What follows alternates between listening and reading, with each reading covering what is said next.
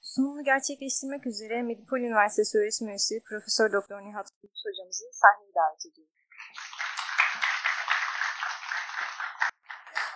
Sayın Başkan sevgili arkadaşlar. Hepinize iyi akşamlar diliyorum. Aslında üç tane temel metnimiz var diyelim. İki metin, bir de film. Bunlar sırayla ben kısaca görüşlerimi söyleyeyim. Tartışırız. Ee, herhalde öylesi daha bir güzel olur. Bakaryat çerçevesinde ister istemez hani suç ve ceza felsefesi aklı geliyor. Ee, bir de ölüm cezasını aslında e, tartışmak lazım. Ee, belki buna bunun yanında işte ötenazi gibi aslında çağdaş problemlerde muhtemelen aklınıza gelmiştir. Ama suç ve ceza felsefesiyle başlayalım. Yani burada çok şöyle bir kısa cümle kurayım ben. Bu parçalarını ayırdığımız zaman mesele ortaya çıkacaktır. Yani bir toplumda hangi fiiller, neden ve kim tarafından suç olarak tespit edilecek? Aslında bu çok temel bir soru. Yani bunları ayrı ayrı cevaplandırabiliriz. Yani hangi fiiller suç olarak tespit edilecek ve bunun karşılığında bir ceza konulacak? Ya yani insanın bireyle, bireyin hakkıyla, değil mi? hak ve özgürlüklerle çok alakalı bir şey yani. Hangi fiiller suç olarak tespit edilecek? Bunu ne sebeple yapacağı ve kimin tarafından yapılacağı da kuşkusuz önemli ama gerçekten de yani bir toplumda bizim hareket alanımızı aslında gösteren nokta tam da burasıdır. Hangi fiiller suç olarak? Baktığımız zaman biz ama gene bizim bakış açımıza göre e, bazen şunu söyleriz. Toplumsal düzeni çok bozan davranışlar suç olarak düzenlenir. Yani gerçekten de hayatımızda bir kere ahlaka aykırılıklar vardır, hukuka aykırılıklar vardır ahlaka aykırılıklar tabii son derece önemli. Hukuk bunların hepsiyle ilgilenmez. Çok daha ciddi olanlarını seçer, ayırır ve kendi alanına dahil eder. Hukuk içerisinde de çok daha önemli hususlar ceza konusu yapılır. Yani bu aslında artık bir toplumun yaşaması için belki de olmazsa olmaz konular. O yüzden hani bir e, fiili suç olarak düzenlerken çok çok titiz davranmak lazım. Ya benim aklıma tabii bunu söylediğimiz zaman hemen çok güncel tartışmalar geliyor. Biz kolaylıkla hemen kızdığımız, ahlaka aykırı bulduğumuz, biraz böyle düzeni bozucu gördüğümüz hususları hemen aa hem suç olarak düzenlensin, hemen işte buna yaptırımlar bağlansın veya bağlanmışsa topluma verdiği zarara bakmaksızın, bireye verdiği zarara bakmaksızın, aa işte bunun cezası şöyle artırılsın, böyle artırılsın diye gerçekten çok galayana geldiğimiz oluyor. Yani ben bunu görüyorum. Siz de ben yani hukukçular olarak bunu yaşayacaksınız. Sıradan insanlar böyle düşünebilir.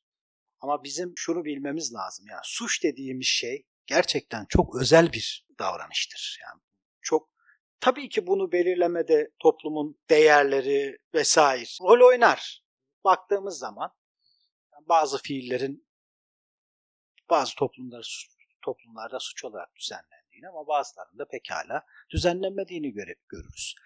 Ağırlıktı, cezaların ağırlığı da öyledir. Yani bazı toplumlarda ağırdır, bazı toplumlarda değildir. Yani daha hafiftir. Bunları da bizim gene yani hukuki bakış açısıyla normal karşılamamız lazım. Yani bu bağlamda benim gördüğüm belki buna biz hani suç ve ceza arasındaki orantılılık da diyebiliriz. İşte toplumsal değerlerin korunmasıyla e, alakalı bakabiliriz meseleye ama mutlaka yani bir dengeyi kurmamız ve gözetmemiz lazım. Benim bu e, bağlamda dikkatimi çeken ilk husus bu. E, tabii ki her toplum kendini korur, kendini korumak durumundadır. Buna da önem vermek lazım. Yani biz daha çok e, yani bu işte Bakarya ile beraber biraz daha yani suçlarda yani bir aydınlanma düşünür aslında Bakarya. Onu fark etmişsinizdir.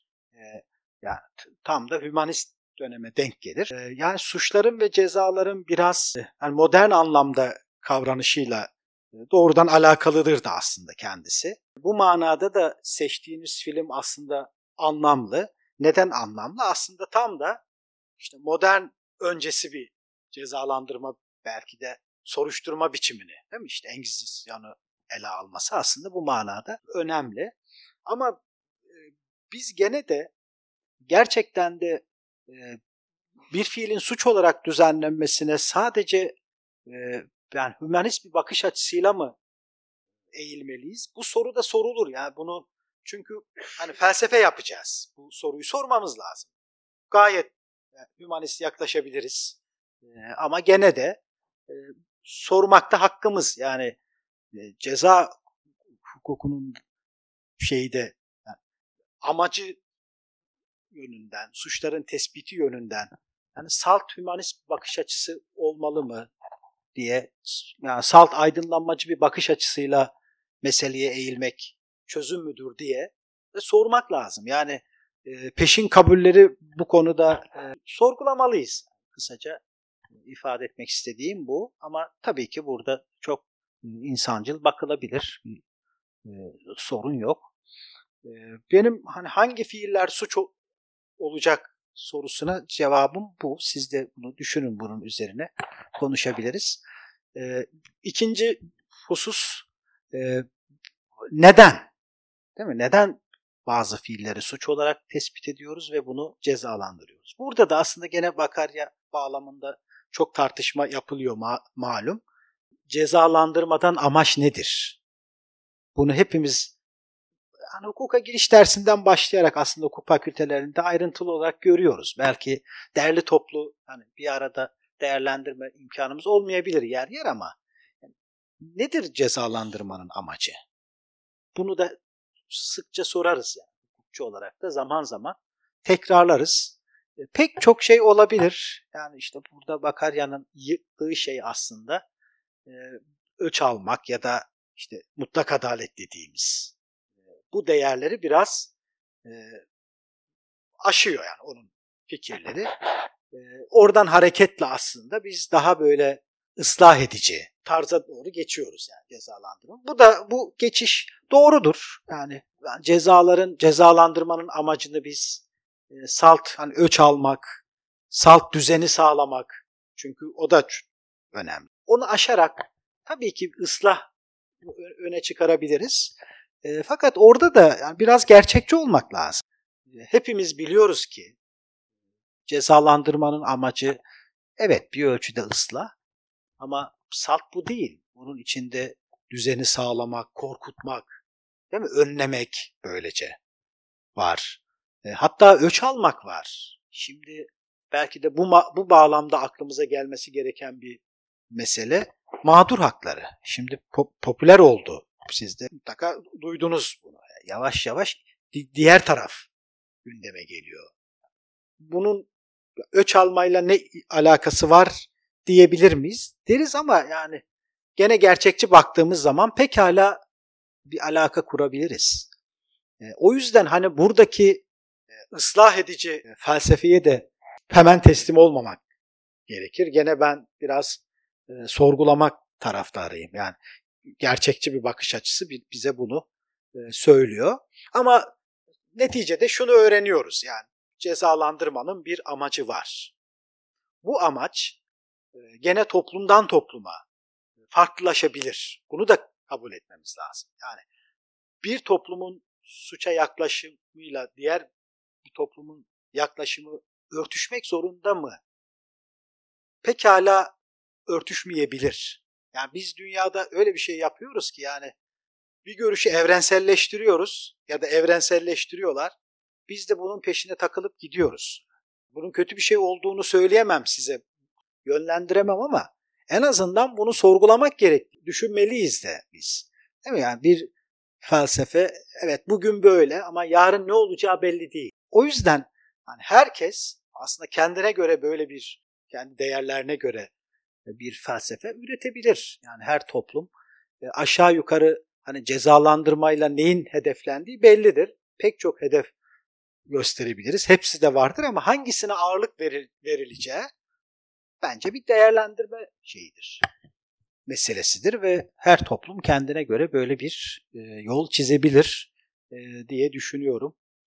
E, son sorumuz bu bağlamda e, kim karar verecek? Yani bir bu en zoru bu aslında. Yani bir fiilin suç olmasına kim karar verecek? E, bunun cezasını neye göre tespit edecek? Çok hayati bir şey bu. E, biz bunu hani modern dünyada çözdük esasında. Belki kanun, kanunilikle de biraz alakalı bir şey. E, bunu biz yasaya bıraktık. Yasa koyucuya bıraktık. Yani değil mi? modern toplumlarda böyle biz yani bir ulusu yasa yaratıcı olarak düşünüyoruz ve e, onun temsilcilerini de bu işte görevlendirdik. Fiilin suç olarak tespit edilip edilmemesi onların inisiyatifindedir diyoruz ve bunu da kabulleniyoruz. Yani onlar bunu yapıyorlar. Dediğim gibi kanunilik bağlamında bu tartışılabilir ama onlar da uzayda yaşamıyorlar. Değil mi? Bir suçun, bir fiilin suç olarak tespitini e, mutlaka belli şeyleri dikkate alarak yapacaklar. Neye göre yapıyorlar bunu? Yani bunu bir keyif keyiflerine göre mi yapıyorlar? Yoksa yani dünyada böyle bir eğilim var. Onu mu takip ediyorlar? Genelde böyle gelişir. Yani bizdeki ceza hukukunun yani ceza hukuku alanındaki kanunlaştırmada biraz böyle oldu. Bu 19. yüzyılda başlar. İşte Fransız ceza kanunundan bir parça almışız. Ee, dünyanın başka yerlerinde de aynı anlık gel gelişmeler benzer şekilde. Böyle mi tespit edin? Gene bu bizim yaklaşımımıza göre değişir. Mesela birisi de çıkıp diyebilir ki aslında hangi fiillerin suç olacağını gene o toplumun gelişimi belirler. Bu çerçevede bir anlamda yani hukuk dediğimiz şey toplumun yani dil gibidir biraz böyle zamanla yaşaya yaşaya gelişir ve yani hangi fiilin suç olduğu, cezasının ne olacağı da aslında o toplum tarafından zaman içerisinde ama çok da çaktırmadan aslında belirlenmiştir denilebilir. Yani bu da bir yaklaşım mesela. Değil mi? Bunun üzerinde çok fazla durmayız biz. Daha çok işte düzen bu bağlamda işte yasa koyucu veya baş kimse yasa koyucu. Bir parlamento olabilir, bir kral olabilir. Kimse ona atfederiz. E, dediğim gibi pekala bu bir toplumun değerlerinde de aranabilir. Yani hangi fiilin suç olarak tespit edilip edilmeyeceği belki de yani toplumların tecrübeleriyle ortaya çıkan bir şeydir. Mesela bu çerçevede neden Anglo-Sakson dünyasına bakmayız? Yani belki bizim eski dünyaya da böyle bakabiliriz değil mi? İşte şeyler, okullar. Tabii bunu bu çağ bakımından çok tehlikeli bir şey olarak görebiliriz. E, o ayrı ama hani yaratması gereken tartışmalar o bağlamda söyledim. Böylece hani bu üç temel soruyu cevaplandırdım. Kanunilik meselesine bakacak olursak yani bu aslında kolay bir ilke. Bugün çok benimsenmiş bir ilke yani dünyada. Bütün uluslararası insan hakları belgelerinde de bu var. Yani suçlarda ve cezada kanun fiilin suç olarak tespit edil, edilmemesi kanun koyucunun iradesine bağlı. Bunun anlamı nedir? Aslında bunun anlamı şu. E, iktidar dar anlamda ya da idare fiilin suç olduğuna karar veremesin aslında. Kanunilik dar anlamda şeyi bu. bu. Suçlar kanunla konulabilsin. Bu bizim açımızdan çok müthiş bir güvence olarak e, kabul edilir. Gerçekten de öyle bakarız ve dediğim gibi yani bütün insan hakları belgelerinde de bu var ya suçlar cezalarda kanunluk ona bağlı olarak geriye yürümezlik. Öyle ki e, malumunuz e, bu olağanüstü hallerde bile çekirdek haklar vardır. Olağanüstü hallerde hak ve özgürlükler sınırlandırılabilir gereğinden daha fazla hatta durdurulabilir ama bu durumlarda bile dokunulamayacak haklar vardır. Bunlardan birisi de bu kanunilik prensibidir. Buna bir zeval veremeyiz yani kanunilik prensibi. Şartlar ne olursa olsun, savaş olsun, ayaklanma olsun, ortam, hukuki ortam ne olursa olsun e, kısıtlanamayacak haklardandır. Yani o kadar önemli bir husus. E, buna teslim oluyoruz yani. Kabul ediyoruz da bunu. Çok suçların ve cezalar kanunla konulması. Ama şunu da sorgulamak lazım. Bir kanun her zaman iyi midir? Hangi metne kanun diyeceğiz? Giderek buradan hareketle hani çokça yapılan bir tartışmaya buradan belki atlayabiliriz. Ee, ya işte kanunla hukuk şey yapılır ya, ayrımı yapılıp yapılır. Değil mi? Genelde bunu doğal hukukçular özellikle yaparlar ve bu işte liberal görüş çerçevesinde de ön plana çıkar hep. Böylece var olanla e, olması gereken arasındaki ilişki hep böyle gergin tutulur. Bu biraz mahsus yapılır. Yani mevcudu biraz daha böyle şeye taşımak, hep ideale e, taşıma bu çerçevede yaklaşıldığını söyleyebiliriz. Ama biz bunun da üstünde her zaman yani bir kanunun gerçekten kanun olup olmadığını sorgulayabiliriz. Bunun teknik hukuk bakımından yapılıyor bu zaten. Yani bir kanun önümüze sürülen bir metne kanun dememizin bir takım koşulları var denilir. Yani şekli şartları taşıması gerekir.